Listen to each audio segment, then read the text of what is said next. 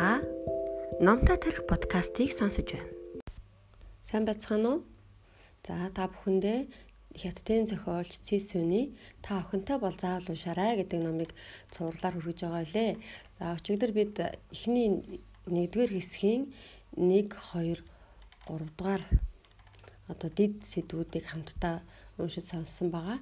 За нэгдүгээр хэсгийн нэгдүгээр бүлгийн нэгдүгээр хэсэг дээр бол охтыг яагаад элбэг хангалаа өсөх ёстой бэ? гэдгийг гэдэг дээр зохиолч маань тайлбар хийж дээрэс нь бас сурамжит түүхийг Сяои охины тухай сурамжит түүхийг хамтдаа уншсан байгаа. За энэхүү хэсэг дээр бол охин хүүхдийг элбэг хангалуун өсгөнө гэдэг нь алт мөнгө эрднэр хүмүүжүүлээдэ гэсэн үг биш. Харин охтод зориулсан тэр онцгой зүйлсийг эцэг эхчүүд анхааралтай авч хувь хүний онцлогтон тохирсон тэр сургууль хүмүүжүүлэх арга барилыг бий болгох хэрэгтэй юм аа. Октод бол одоо төрөлхийн сул дорой байдаг. За яг цэцэг шиг тийм учраас дэлбэлэхээс өмнө эцэг эхчүүд хүмүүжлийн аргадаа нэгт нямбаа хандаж хүмүүжүүлж чадах юм бол одоо том болоо зөөлөн дулаан тий альваад эерэг сайхан сэтгэлтэй сэтгэлээр ханддаг ийм болж хүмүүжнэ гэдгийг нэгдүгээр хэсэг дээр ярьсан. За хоёрдугаар хэсэг дээр бол охтын хувь заяаны зургийг эцэг эхчүүд үтээгч нь болдго юм аа. Охтууд бол хангалан өсгөх эсвэл одоо дотоод үлмэг өсгөх гэсэн байдлаар энэ хоёрын аль нэгэн байдлаар хүүхдийн хувь заяаны одоо зурагт нь нөлөөлж идэг. Тийм учраас хүүхдээ ирээдүйд хэн болох вэ гэдгийг эцэг эхчүүд маш анхааралтай хандах ёстой гэдгийг 2 дугаар бүлэг 2 дугаар хэсэг дээр бид нэр сонссон. За 3 дугаар хэсэг дээр бол октоодыг хэрхэн гүнж олгож хүмүүжүүлэх юм бэ гэдэг хэсэг байсан. За энэ дээр бол Америкийн нэгэн сэтгэл судлаач амжилтанд хүрсэн 301 эмэгтэйг бол судалгаанд хамруулсан байдаг. За тэр судалгаанд хамрагдсан амжилтанд хүрсэн эмэгтэйчүүд ихэнх нь бол хүүхэд наснда тогтвортой, дээгүр зиндааны хүчрхэг, зөрөгтэй тийм урагш тэмүүлсэн өөдрөг зан төрхтэй байсан гэдгийг судалгаагаар батлагдсан байгаа. За тэгэхээр октоодыг бол няраа үеэс нь эхлээд өсөж томрох явцад нь яг л одоо нөгөө нарийн хийцтэй тийм хевс нэгж байгаа юм шиг маш анхааралтай хүмүүжүүлэх ёстой. За тэгээд ихэнх хөвлөд байхаас нь эхлээд хөгжим сонсох, ээж аав нь хүүхдтэйгээ байнга ярилцах гих мэтэр нийгмийн харилцаанд оролцуулж хийснээр хүүхдийг октоодыг бас нийгэмд эерэг зөв хүн болоход нь сайн нөлөөтэй гэдгийг 3 дугаар хэсэг дээр авч үзсэн байгаа. За тэгвэл 4 дугаар хэсгээс эхлээд өнөөдөр уншъя. Цэвэр алт гэсэн нэршил хаанаас гарал тавьэ? Охин хүүхдийг элбэг хангалуун сэтгэл дүүрэн өсгөх гэдэг нь түүнийг эрхлүүлэн юуч хийх чадваргүй болгох биш. Түүнд цүнх дүүрэн мөнгө өгөхч биш. Харин хүүхдийнхээ эд материалын болон оюун санааны хэрэгцээг хослуулан анхаарахыг хэлнэ. Ингэж байж л олон дундаас цойлон гарч бүхний хүндэтгэлийг хүлээсэн эмэгтэй болно. Эмэгтэй хүүхдийн хувьд олон сайхан инхрисэн нэршил байдаг. Бяцхан гүнжээс гадна цэвэр алт гэсэн үг нь энд ярихгүй байхын аргагүй төлөөсөн нэр юм. Энд цэвэр алт гэсэн үг нь тус номны гол сэдв хангалуун өсгөх гэсэнтэй салшгүй холбоотой учраас дурдж байгаа юм. Эмэгтэй хүүхдийг цэвэр алт гэж зөвөрлсөн зөвөрлөл ая зохиогч Жам биенийн битсэн жүжигт чи ноён төшмөлийн алт болсон охин юм чинь өөрийнхөө дураар бодолтоо химэн бичгээр тэмдэглэгдэн үлдсэн байдаг. Эрт үед Баян айлын охиныг ингэж нэрлдэг байсан ба мин чин гүрний үеэс хойш уран зохиолд цэвэр алт гэсэн үг улам их гарах болсон байна. Алдар зохиолч Самуэль Самирсон номондоо эмэгтэйчүүдийн боловсрал, хүмүүжил, үндэсний боловсролыг тодорхойлдог хэмээн бичсэн байна. Хэрвээ эрчүүд хүн төрлөختний тарих юм бол эмгтээчүүд хүн төрлөختний зүрх сэтгэл. Хэрвээ эрчүүд хүн төрлөختний ухамсар юм бол эмгтээчүүд хүн төрлөختний мэдрэмж. Хэрвээ эрчүүд хүч чадлын бэлэг тэмдэг юм бол эмгтээчүүд чамин тансаг, гоо сайхан, баяр баясгалангийн бэлэг тэмдэг юм. Эрчүүд хүний оюун ухааныг дүүргэж чаддаг бол эмгтээчүүд хүний зүрхийг эзэмдэж чаддаг юм. Ирчүүд бидэнд итгүүлж чаддаг бол эмэгтэйчүүд хайрлуулж чаддаг үлээ. Иймээс цэвэр алт хэмээн эмэгтэй хүүхдийг зөвөрлөх нь нүдээ олсон зөвөрлөл юм.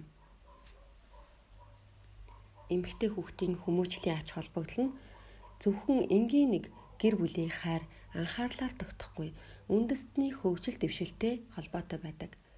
Судлаачид эмэгтэйчүүдийн хүмүүжлийн асуудлыг үндэстний ирээдүйн асуудал гэж үзэх хэрэгтэй гэсэн байдаг. Эмэгтэй хүүхэд нь тэнгэрээс илгээсэн бэлэг тэд бол эрхэмдээд яруу алдрын төлөөлөл. Иймээс би тэднийг хангалуун өсгөх хангалттай шалтгаан ба тэднийг элбэг хангалуун эрхэмсэг тансаг сэтгэл булаам уран нарийн ухаалаг болгон хүмүүжүүлэх хэрэгтэй. Сургамжит түүх Мин Шуэйн хэвлэл мэдээллийн анхаарлын төвд байдаг түүнийг хүмүүс Кембрижийн охин хэмээн нэрлэдэг ба тэр энэ бүхнийг амжилтынхаа замаар харуулсан юм.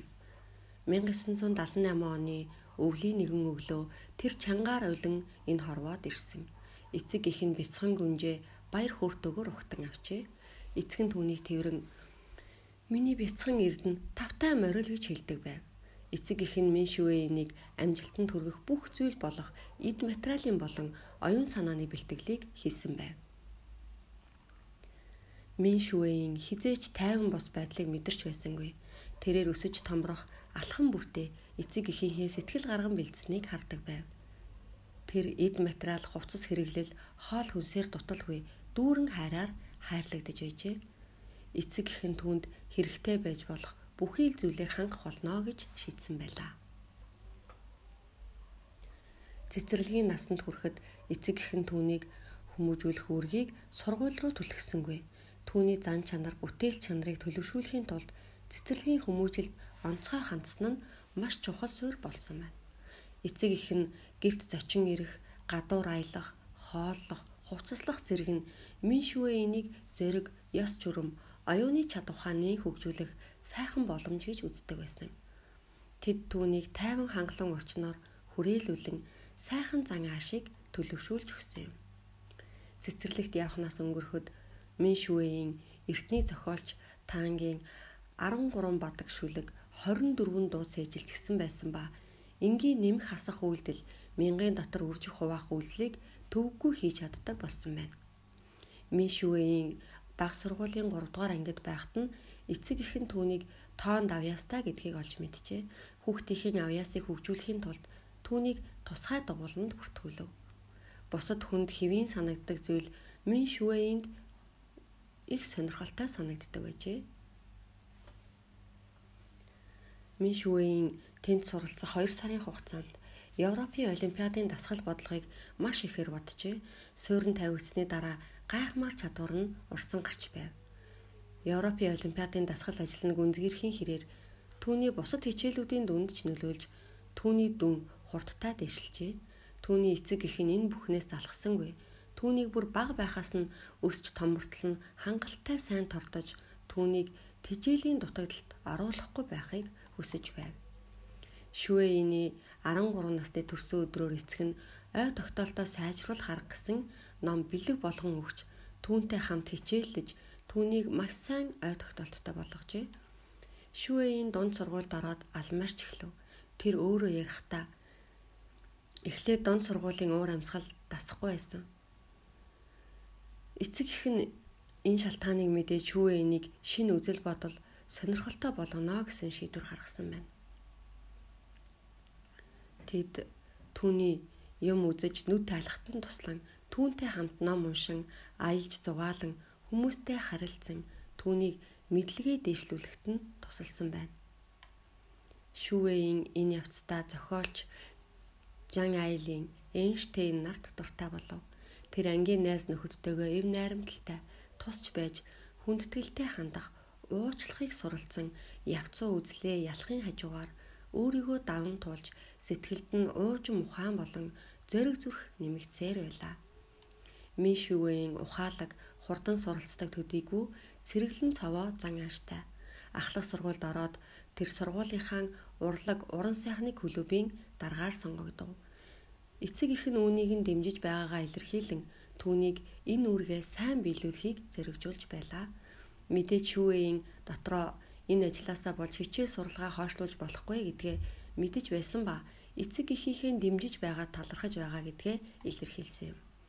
Урлаг, уран сайхны клубийн дарга их нь түүний нүдийг бүрч ихээр нээж өгсөн. Хэдэн удаа том хэмжээний үйл ажиллагаа зохион байгуулад тэр олон хүнтэй танилцж хүнтэй яаж харилцахыг суралцсан эцэг их багш нарынхаа ажлын хүнд хэцүүг илүү сайн ойлгосон байна. Хамгийн гол нь шүүэйний дүн дээшлэн эцэст нь ямар ч саадгүйгээр Бээжингийн их сургуульд ирсэн орсон байна. Шүүийн их сургуулийн 2 дугаар курстэй TOEFL-ийн шалгалтанд оролцсон 3 дугаар курстэй TOEFL-ийн 635 оноо авсан байна. 4 дугаар курстэй ороод гадаадын ихтэй сургууль төсөлт гарган зул сарын баярын өмнөх өдөр Кембрижийн их сургуулийн томилолд хүлээн авсан байна. Хин охиноо нийгмийн манлайлагч болгохыг хүсэхгүй гэж. Гэвч эмэгтэй хүүхэд бол эмзэг туйхан эцэг эхийн анхаарал халамж дэмжлэггүйгээр амжилтын замаа олж оргилд гарна гэдэг хэцүү. Хангалуун өсгөх гэдэг нь хүүхдийн хүмүүжилд сайнаар нөлөөлөх зүйлийг аль болох олж тэд бүгдийг биелүүлэхийг хэлж байгаа юм. 5 дугаар хэсэг. Мөнгөгүй бол охиноо сайн хүн болгон хүмүүжүүлэх боломжгүй гэж юу? Охиноо багаас нь тансаг орчинд амьдруулан төгөлдөр хуур даруулж, зургийн үзэглэн үзүүлж, сайхан хувцаслаж, амттнаар тэтгэн гүн шиг өсгөн хүмүүжүүлж, их зүйл үзүүлж харуулсан хүүхдэл зөвхөн элит болж чаддаг гэж юу? Зөвхөн мөнгөөр л хангалуун байх юм бол бардам мааштай голомтгой ямар ч цохилтон төсвөргүй бие даагаагүй сул дорой эмхтэй болж магадгүй. Харин хангалуун гэдэг ойлголт маань илүү өргөн хүрээтэй оюун санааны хувьд бүрэн дүүрэн байж охин хүүхдэд нэг насны аз жаргал хангалуун байдлыг авчрах юм. Эмэгтэй хүүхдийг хангалуун өсгөх хэрэгтэй гэж байгаа бол заавал эд мөнгөөр баян байх, гүнж ухсаатай байх хэрэгтэй гэж юу? Ядуу хүний охин гүнж тэнгэрийн илч болох хувгүй гэж юу? Өөрөөр хэлбэл мөнгөгүй бол охиноо сайн хүн болгон хүмүүжүүлэх боломжгүй гэж юу? Хариулт нь бидний ярьж буй хангалуун гэдэг нь эд мөнгөний биш оюун санааны хувьд хангалуун байхыг хэлж байгаа юм. Мөнгөгүй байх нь тийм ч амар зүйл биш. Айх зүйл нь өөрийнхөө ядуу гэдгээс үссэн айдас, ичхүр, өөрийгөө өрөвдөх сэтгэл юм. Сургамжит түүх. Тэдэнд машин байшин бүгд бий. Гэсэн ч эргэн тойрны хүмүүстэй харьцуулахад тэдний амьдрал тийм ч хангалуун биш. Тэдний машин нь такси, байр нь жижигхэн, гэр бүлийн 3 арай л гэж багтаж ядан амьдардаг байв. Тэдний охин дунд сургуульд явдаг ба тэд охиноо хангалуун өсгөх хэрэгтэй гэдэгт итгэдэг тул аль болох хэмнэж охиноо хотын гадна байрладаг дотуур байртай баян айлын хүүхдүүд суралцдаг дунд сургуульд явуулдаг байжээ. Охиндоо үргэлж заавал онд сурах ёстой. Тэгж байж л элбэг баян амьдрч чадна. Тэгэхгүй бол ээж аав хоёр шигээ хүнд хэцүү амьдрах болно гэж загтаг байв. Энэ бүхэн охинд нь хүчтэй нөлөөлж тэрээр өөрийгөө ядуу гэдгээс ихэд ичдэг байв. Охин нь зөвхөн амралтын өдрөөр л гэртээ хардаг. Тэд амралтын өдрийг яг л баяр ёслол шиг өнгөрөөдөг байжээ. Баасан гаргийн үдээс хойш аав нь ажилдаа гарч бараа зөөлгүй охиноо очиж тосно. Ээж нь гэртээ олон төрлийн амттай хоолхийн охиноо хүлээн. Энэ гэр бүл уг нь маш өв найрамдалтай дулаан уур амьсгалтай боловч амралтын өдрөөр аз жаргалтай байх үедээ ч үргэлж нэг сүудэр уур амьсгалыг нь бүрхэж байдаг ба энэ нь тэдний ядуу зүдөө байдал юм. Ялангуяа охин энэ баячуудын сургуульд нэг улирал суралцсны дараа энэ сүүдэр улам гүн болов. Охин баян ядуугийн ялгааг бодтойр мэдрэх болсон. Түүний ангийнхан ихэнх нь баян айлын хүүхдүүд ба эцэг их нь компани захирал эсвэл дарга нар. Харин охины эцэг их нь жирийн нэг таксины жолооч ээж нь ажилласаа халагдсан ажилчин юм. Хэдийгээр эцэг ихэн түүнд сар бүр халаасны мөнгө хангалттай өгч байгаа ч гэсэн мөнгөтэй ангийнх нь хүүхдүүд бие биендээ өгч буй жижигхэн бэлгэнд ч хүрэхгүй байв. Охин улам их гутарч ааш муутай болов. Гэртээ ирэх бүртээ урман хугарсан байдалтай л байдаг болов. Эцэг их нь асуувал бөөн гомдол тоочин нэг бол хувцсаа голон, нэг бол баг мөнгө өгч байна гэдэг болов.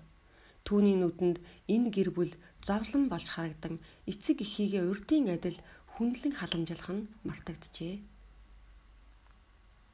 Амралтын өдрөөр эцэг нь өөрийнхөө машинаар охиноо сургууль дээрээс нь тосов. Аав нь өөрийнхөө ядуу зүдүү байдал охиноо уурлуулах байх гэж бодон машинаа янз бүрийн гадаадын дээд зэрэглэлийн машинуудаас хол тусад нь тавив. Холоос аав нь охиноо найзуудтайгаа инээмсэглэн ярилцсан гарч ирэхийг харж охиноо улам хөөрхөн болж тэр олон хүүхдүүд дундаас ялгаран харагдаж байгаад бахархах сэтгэл төрж байв. Сургуулийн хаалхан дээр ирээд бусад сурагчид бүгд өөрсдийнхөө машинд сууж одоход охин нь ганцаараа үргэлжлүүлэн алхаж байв. Эцэг түүнийг ухтан очиход охины инээж байсан царай гинт барав. Охин нь аавыгаа хараад дараагийн удаа намайг битгий энэ мөн машинаараа тосож ирээрээ. Би өөрөө такси бариад тарчихна. Та ичихгүй байгаа бол би ичиж байна гэсэн ганц өгүүлбэр хэлв. Энэ үг аавынхын сэтгэлд дар дэлбэрэх мэт нөлөө үзүүлж уур хилэн нь бадрав. Олон жил жолоо мушгсан гараараа охиноо алгадаж орхив. Охин түнд маш их хайртай. Аав нь түүнийг зодно гэж бодоогүй тул бултаж амжсангүй. Нүүрэн дээр нь хурууны мөр гарчхав. Охин уйлан өнөөдрөөс хойш танаа гэрт очихгүй гэж хорсолтойгоор хэлээд эргэжч харалгүй гүйж одов. Аав нь хэсэг зур мэлрээд сэргэн харуул охин нь хаашаа ч юм явчихсан байв. Ийм тохиолдлууд олон байдаг ба зарим хүмүүс охин хүүхдийг хангалан өсгөх хүмүүжлийг буруу гэж үздэг. Харин эсэргээрээ ийм хүмүүжлийн аргыг ядуу өсгөх гэж нэрлэнэ. Яагаад?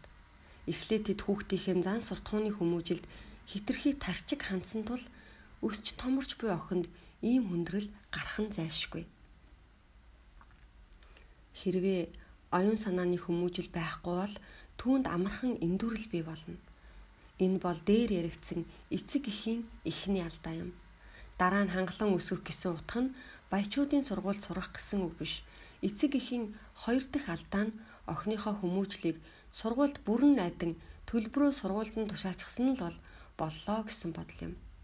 Мөн ядууга нэг төрлийн гутамшиг гэж тооцсон мөнгөний өмнө өөрийгөө дорд үздэг тэдний оюун санаа нь аль хэдийн ядуурчсан. Тэд бас энэ бодол санаагаа охиндоо дамжуулчихсан. Олон эцэг эхчүүд охин хүүхдийг хангалуун өсгөх гэснийг буруу ойлгон түүнд эд мөнгө байвал боллоо гэж боддог. Энэ бол маш буруу юм. Ийм үйлдэл нь ихэрхүү бие тоосон зантай болгон хэдийгээр чадварлаг мэт харагдаж байгаа боловч тэр нь зөвхөн өнгөц бодиттой асуудалтай тулгамдахад эцэст нь ялагддаг байна. Иймээс эд мөнгө бол хангалуун өсгөхийн ганц агуулга биш. Эцэг эхийн хувьд хангалуун өсгөх нь гэр бүлийн орчин, зөв, хайрын орчин байхыг хэлж байгаа юлээ. Гэр бүлийн орчин нь эд материал болон сэтгэл зүйн орчин илэрхийлж байдаг. Эд материалын болон оюун санааны орчин нь аль аль нь хүүхдийн дадал зуршилд чухал нөлөөтэй. Өсч томорч буй хүүхдийн хувьд хангалуун эд материалын орчин нь хүүхдийн үйл хөдлөлд нөлөөлдөг бол сайн сайхан оюун санааны орчин хүүхдийн зан аашинд нөлөөлж чаддаг. Мэдээж бидний энд ярьж буй эд материалын орчин заавал тансаг дээд зэрэглэлийн байх шаардлагагүй. Одоо байгаа орчноо цэвэр цэмцгэр эмх зэгцтэй байлгах нь хүүхдэд зөв дадал зуршилтай болгоход нь сайн нөлөөтэй. Оюун санаа, сэтгэл зүйн орчинд хүүхдэд нөлөөлөх нь илүү их байдаг. Тэргүүний сайн сурлагатай ангид орсон хүүхэд тэдний сайн нөлөөгөөр сурлагын сайжрах боломжтой байдаг гэдгийг бүгд мэддэг. Үүнтэй ижил гэр бүлийн эрүүл уур амьсгал хүүхдийг зөв зан ааштай болгодог байна. Барби хүүхэлдээ болон сайхан хувцас зэрэг нь охтыг гүнж Тэнгэрийн илч гэдгийг мэдрүүлж чадахгүй. Энэ бүхнийг мэдрүүлж чадах зүйл нь түүний бага насны эцэг эхийн эерэг харилцаа болон гэр бүлийн эв найрамдалтай дулаан уур амьсгал юм. Эдгээр нь охтыг насанд хүрч өндөр дээд зиндааны хадагтай болоход гол түшиз болдог. Ерөнхийдөө охтыг хангалуун өсгөх нь гол нь мөнгө биш. Эцэг их нь охиныхоо нүдийг нээн өгч түүнд мэдлэгийг баяжуулан охиныхоо ухамсарт альваа зүйлийг сэтгэн бодох юмыг үнэн зөв дүгнэх чадвар олгох түүнийг ирээдүг эргээр харах чадвартай болох нь чухал юм. Ямар ч эцэг эхийн талаар мэдэж байхад бүгд хийх боломжтой юм шүү. Та Номтой тарих подкастыг сонсож байна.